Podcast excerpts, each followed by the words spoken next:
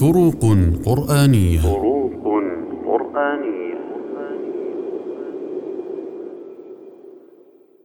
الفرق بين الذنوب والذنوب.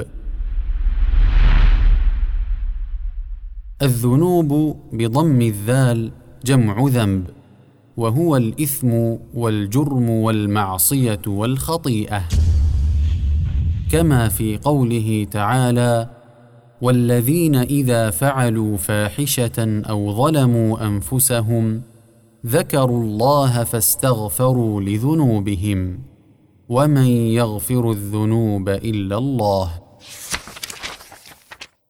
أما الذنوب بفتح الذال فهو اسم مفرد ومعناه النصيب من العذاب كما في قوله تعالى فإن للذين ظلموا ذنوبا مثل ذنوب أصحابهم فلا يستعجلون